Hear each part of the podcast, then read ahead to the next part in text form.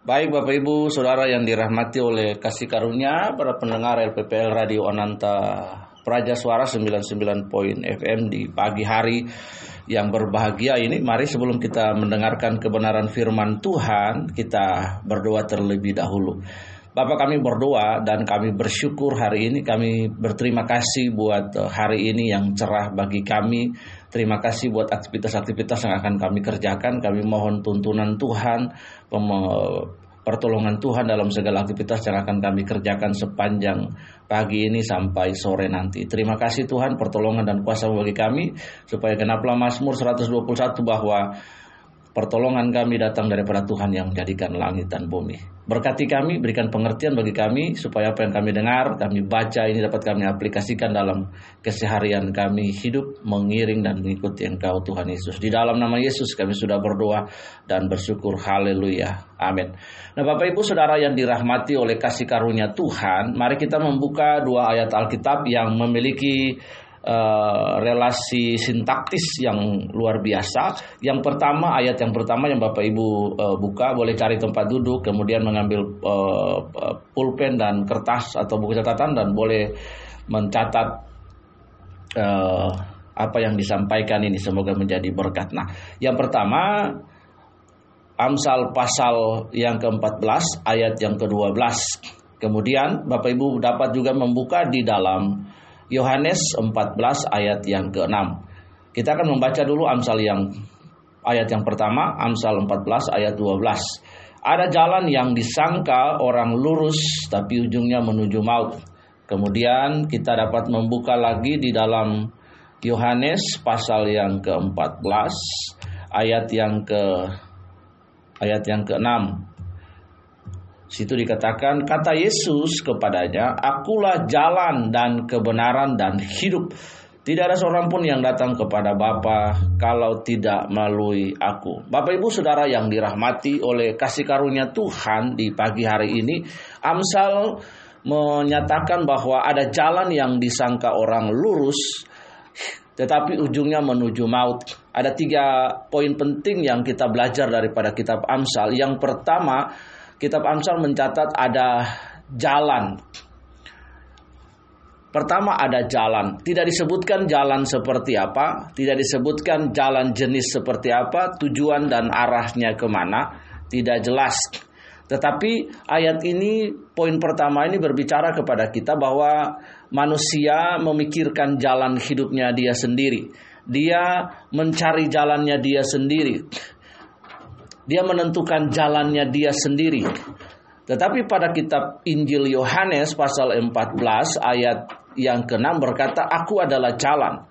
Jadi ini adalah dua hal yang berbeda. Kitab Amsal menyatakan ada jalan tetapi bukan jalan Tuhan. Ada jalan tetapi bukan jalan daripada Tuhan.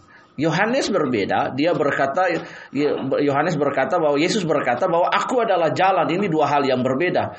Nah, ini berbicara tentang kepastian. Karena itu Bapak Ibu Saudara yang dirahmati oleh kasih karunia, pastikan bagi kita kita sementara berada di jalannya siapa? Jalan yang menurut kita itu baik atau Tuhan yang adalah jalan itu ada ada kium yang kita dengar bahwa ada banyak jalan ke Roma, tapi dengar baik, there is one way to heaven. Hanya ada satu jalan ke surga dan itu only Jesus, Bapak Ibu Saudara yang dirahmati oleh kasih karunia. There's no other ways.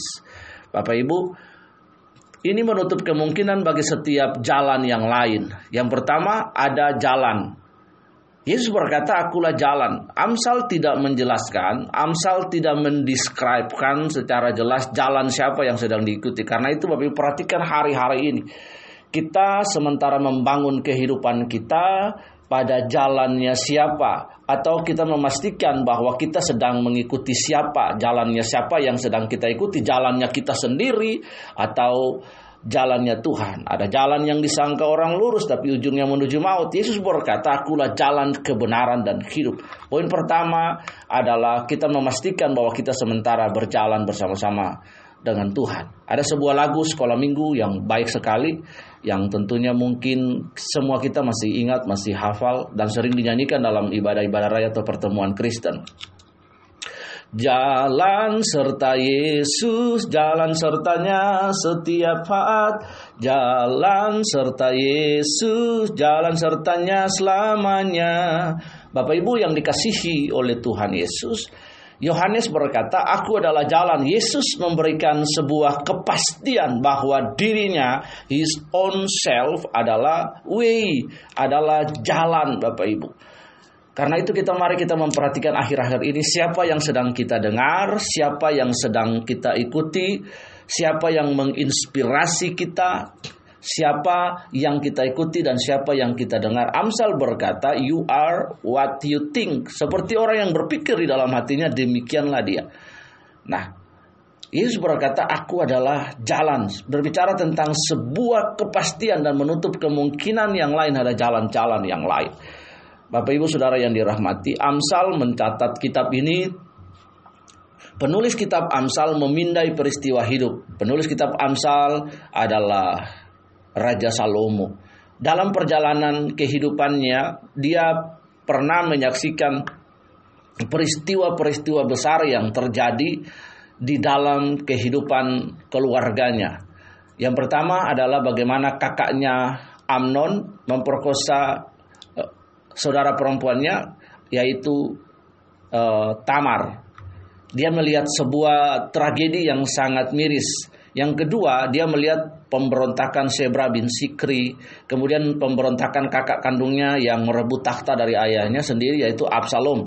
Dan ada begitu banyak peristiwa-peristiwa yang lain yang dihadapi. Kemudian penulis kitab Amsal ini merekam, merekord peristiwa-peristiwa itu dan kemudian menuliskannya dalam catatan bagi kita menjadi sebuah pelajaran bagi kita. Hari ini ada sebuah istilah yang keren dalam dunia pendidikan, itu disebut pedagogik. Nah, hari ini dalam dunia modern kita menemukan uh, pedagogik modern bagaimana orang dalam berdiskusi mereka bebas be, be, berpendapat menyampaikan pendapat kemudian merumuskan pendapat itu dengan baik dengan cara-cara yang baik yang elegan nah ini yang baik sekali Bapak Ibu yang dikasih oleh Tuhan. Tapi hari ini kita melihat Alkitab berkata bahwa aku adalah jalan sementara Amsal berkata ada jalan Bapak Ibu.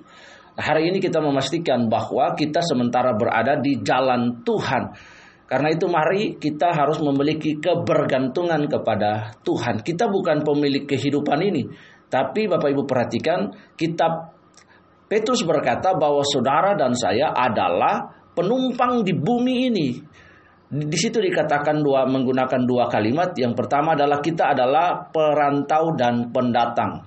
Dari kata paroikos dan parepidemos yang artinya kita pendatang dan perantau.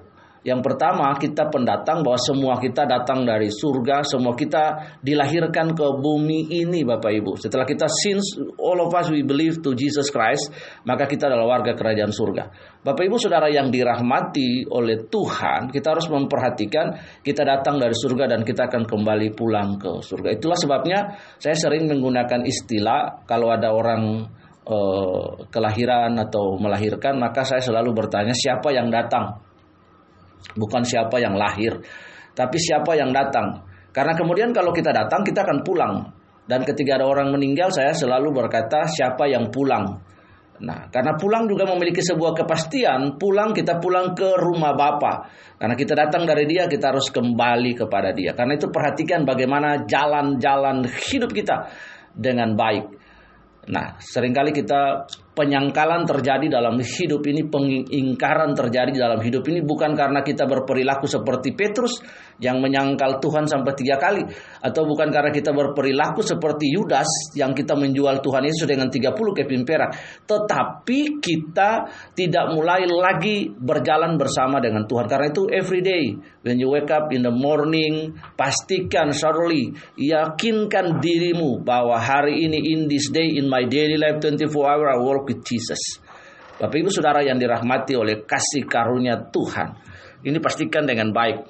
Jalan-jalan itulah sebabnya ketiga dalam Yesaya pasal yang ke-9 ayat yang kelima ada satu kualitas teratas daripada juru selamat Mesia, the Messiah that promises the prophecy by the prophet of Isaiah. Di situ dikatakan bahwa namanya disebutkan orang, penasehat ajaib bahwa seorang putra akan lahir, telah lahir bagimu, juru selamat di kota Daud. Namanya disebutkan orang adalah yang pertama penasehat yang ajaib, the wonderful counselor. Bapak Ibu Saudara yang dirahmati oleh Tuhan, dunia punya masalah.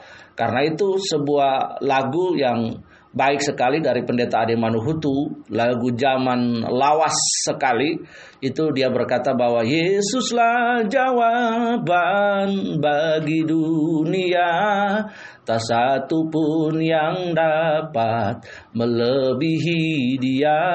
Bapak Ibu perhatikan dengan baik. Aku adalah jalan. Yesus menunjukkan dirinya. Yesus menyatakan dirinya bahwa aku adalah jalan. I'm the way. Sementara Amsal penulis kitab Amsal hanya berkata ada jalan. Tidak tahu jalan apa tapi ada jalan. Tapi ketika kita berjalan kehidupan kekristenan dimulai adalah dengan kita berjalan dengan Yesus. My Christian life was begun with Jesus. I walk with Jesus. I live with Jesus every day karena itu setiap hari kita bangun jalan kehidupan kita adalah bersama-sama dengan Tuhan. Pastikan hari ini Bapak Ibu Saudara pendengar Ananta Praja Suara 99 point FM when you wake up in the morning and akan melakukan aktivitas apa pun yang akan Anda lakukan, pastikan Anda berjalan bersama-sama dengan Tuhan Yesus. Yang kedua, Amsal berkata ada jalan yang disangka orang lurus. Yesus berkata dalam Yohanes bahwa aku adalah jalan kebenaran. Poin yang kedua adalah jalan yang disangka orang lurus. Amsal berkata, "You are what you think." Seperti orang yang berpikir dalam hatinya demikianlah dia. Amsal berkata, Yohanes berkata bahwa Yesus berkata, "Aku adalah jalan dan kebenaran." Bapak Ibu ini sangat penting, poin penting dalam sebuah perjumpaan dengan Pilatus sebagai seorang prokurator kota Roma pemerintahan Romawi di daerah jajahan uh, Yudea hari ini kita sebut uh, Palestina yang akhirnya oleh deklarasi uh, Sir Balfour uh, uh, lokasi itu jatuh kepada pemerintahan Inggris. Lalu nanti dibagi-bagi wilayah itu kepada Israel dan Palestina dalam deklarasi Balfour sebelum nanti Israel merdeka pada 19 48.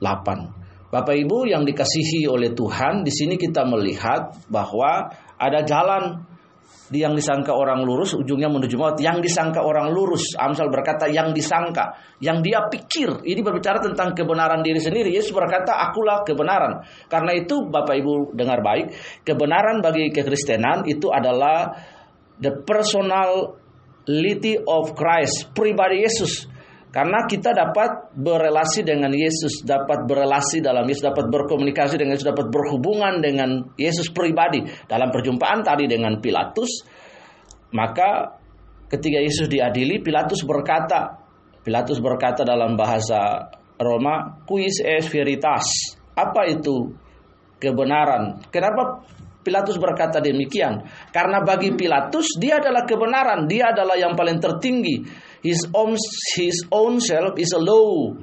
Dirinya dia adalah hukum bagi pemerintahan yang ada di Palestina. Roma mensubstitusikan semua otoritas, hukuman itu apa pun. Kalau Pilatus berkata benar, benar.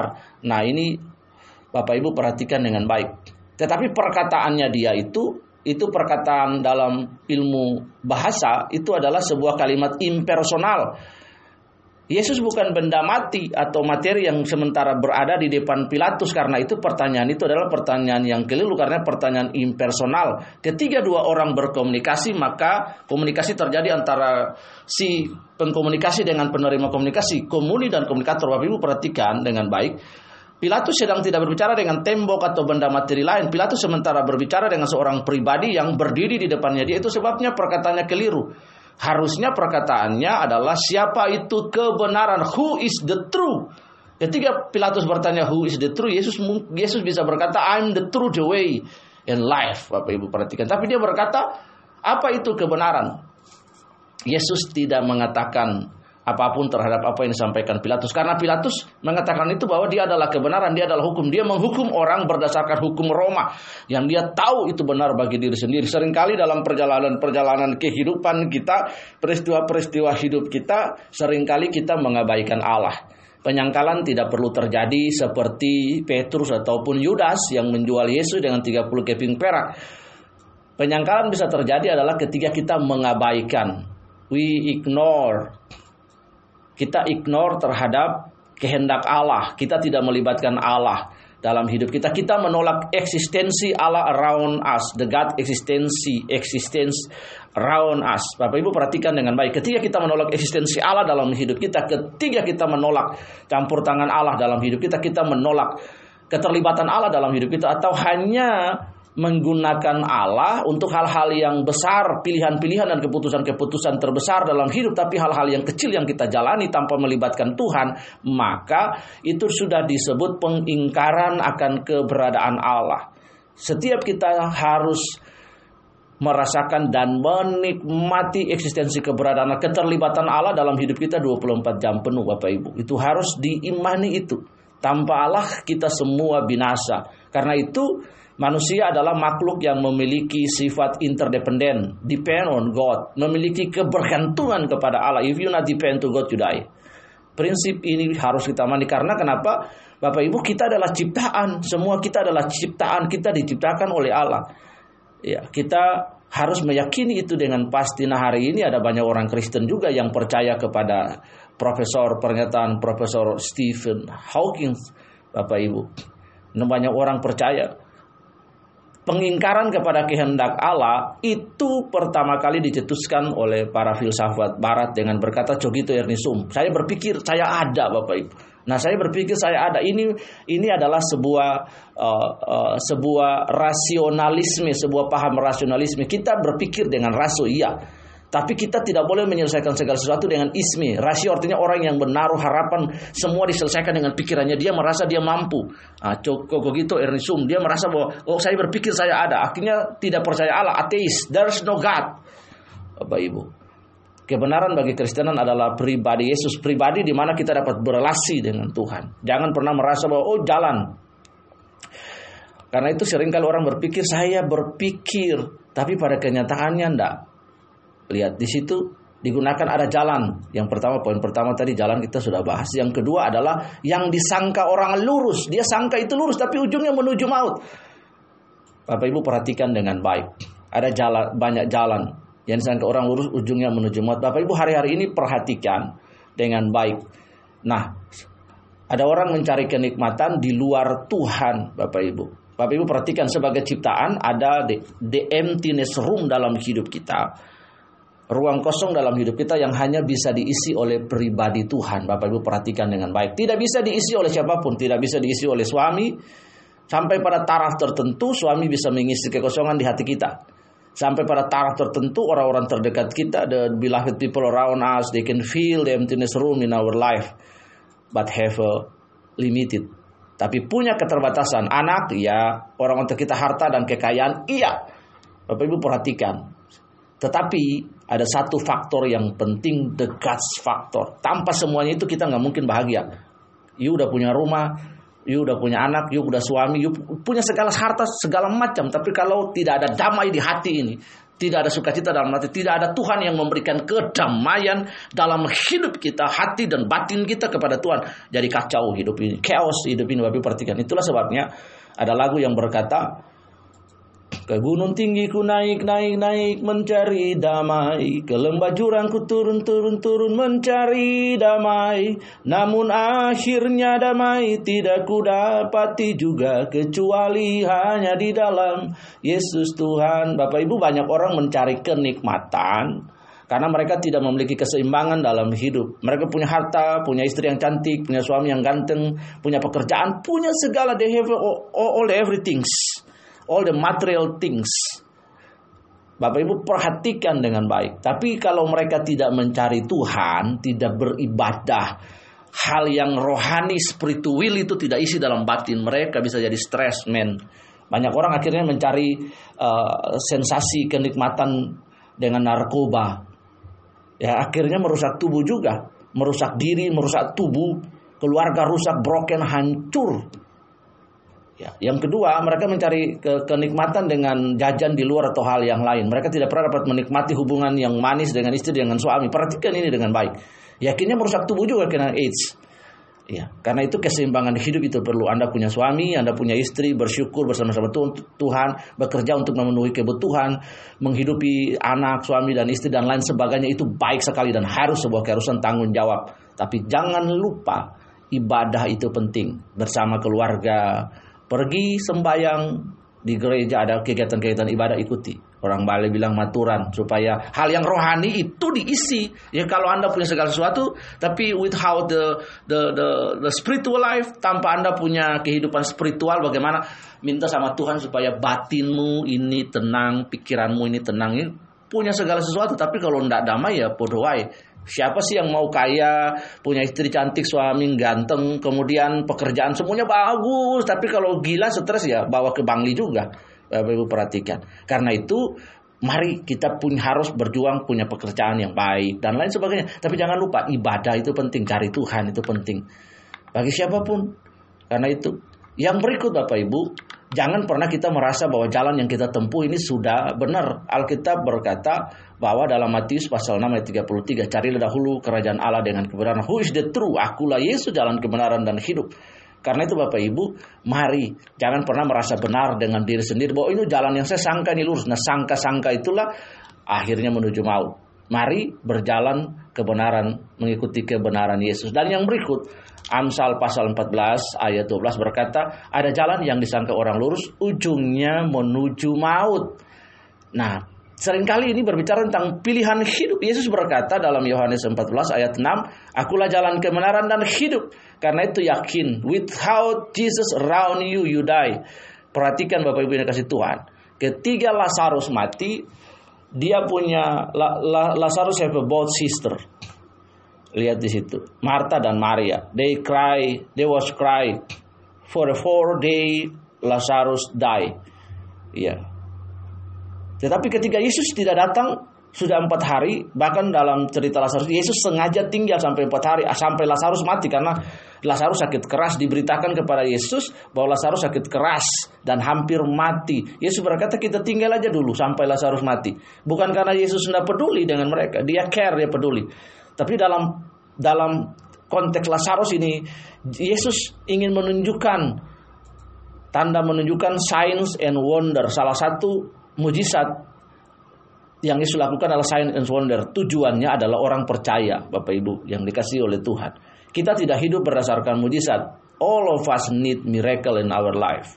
Tapi kita keseharian kita hidup tidak bergantung kepada mujizat. Kalau mujizat tidak terjadi dalam hidupmu, apakah are you still believe to God? Tidak bukan. Karena itu kita percaya kepada Tuhan, kepada pribadinya dia.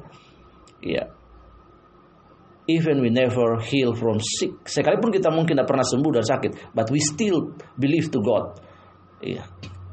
Yesus aku percaya, Yesus aku milikmu, ku hidup karenamu, dan lain sebagainya. Bapak Ibu perhatikan dengan baik.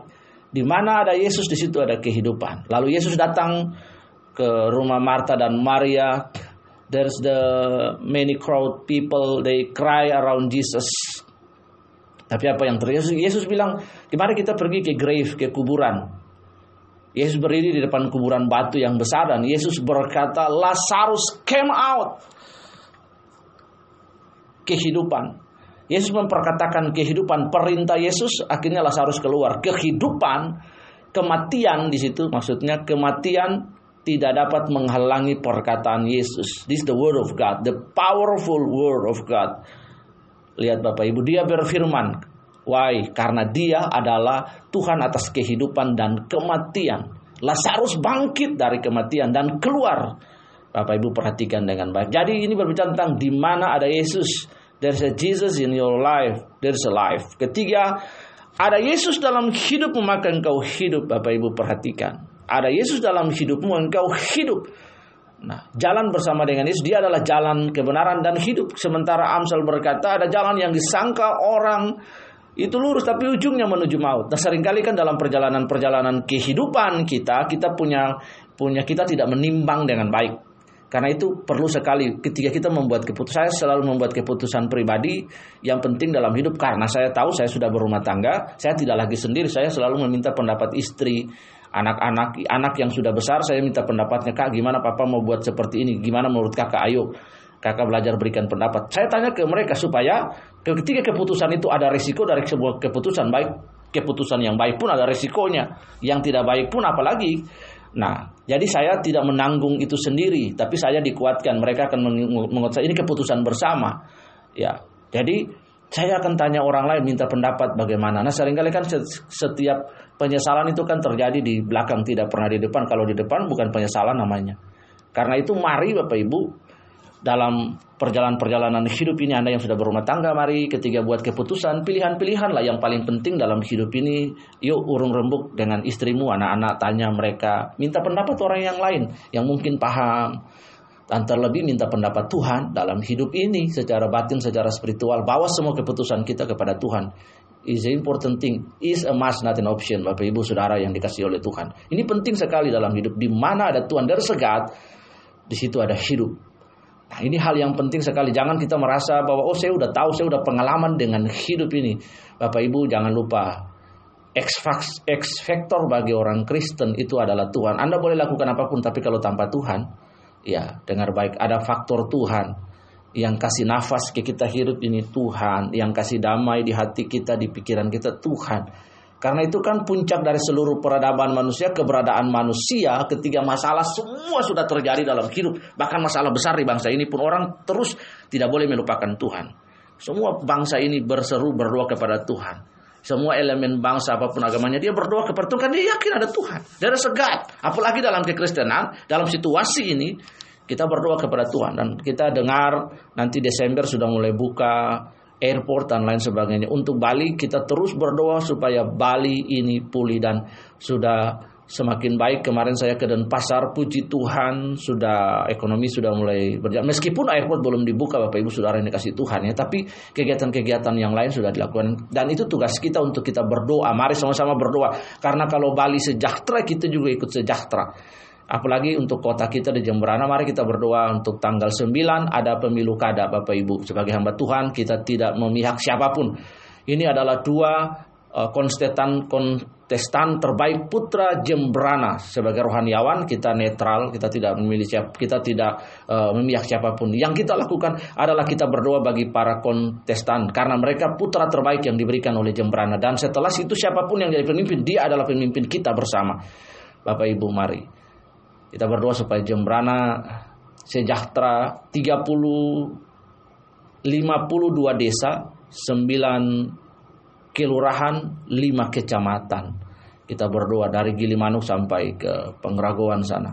Kita berdoa supaya pemulihan Tuhan terus terjadi atas Bali, atas kota kita. Karena itu Bapak Ibu tiga hal ini penting. Yesus berkata, akulah jalan, kebenaran dan hidup. Karena itu jangan pernah mengikuti jalanmu sendiri, dan yang kedua jangan pernah be, menya, me, me, me, mengamini kebenaran dirimu sendiri merasa bahwa oh, saya punya pengalaman I have many experience about life.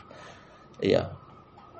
Karena itu Yesus adalah kebenaran. Berelasilah dengan kebenaran itu. Do the willingness of God. Lakukan kehendak Tuhan. Yang kedua, jalan yang kamu sangka itu baik itu benar tapi ujungnya menuju maut. Karena itu dengar baik. Satu hal yang paling penting saya sampaikan juga kita tidak boleh pernah tidak boleh mengikuti opini umum op, opini publik the, the public opinion is is not suddenly is, is not the God's opinion.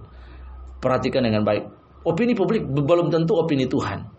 Anda perhatikan sebuah kisah di kisah Rasul 17 when the King Herod, Raja Herodes dia duduk di dalam istana di singgasana dengan segala kemewahannya dan kemudian dia berpidato dan rakyat berseru, rakyat rakyat berkata ini suara Tuhan bukan uh, ini suara Allah bukan suara manusia. Seketika itu dia ditampar dan mati. Karena itu dengar baik.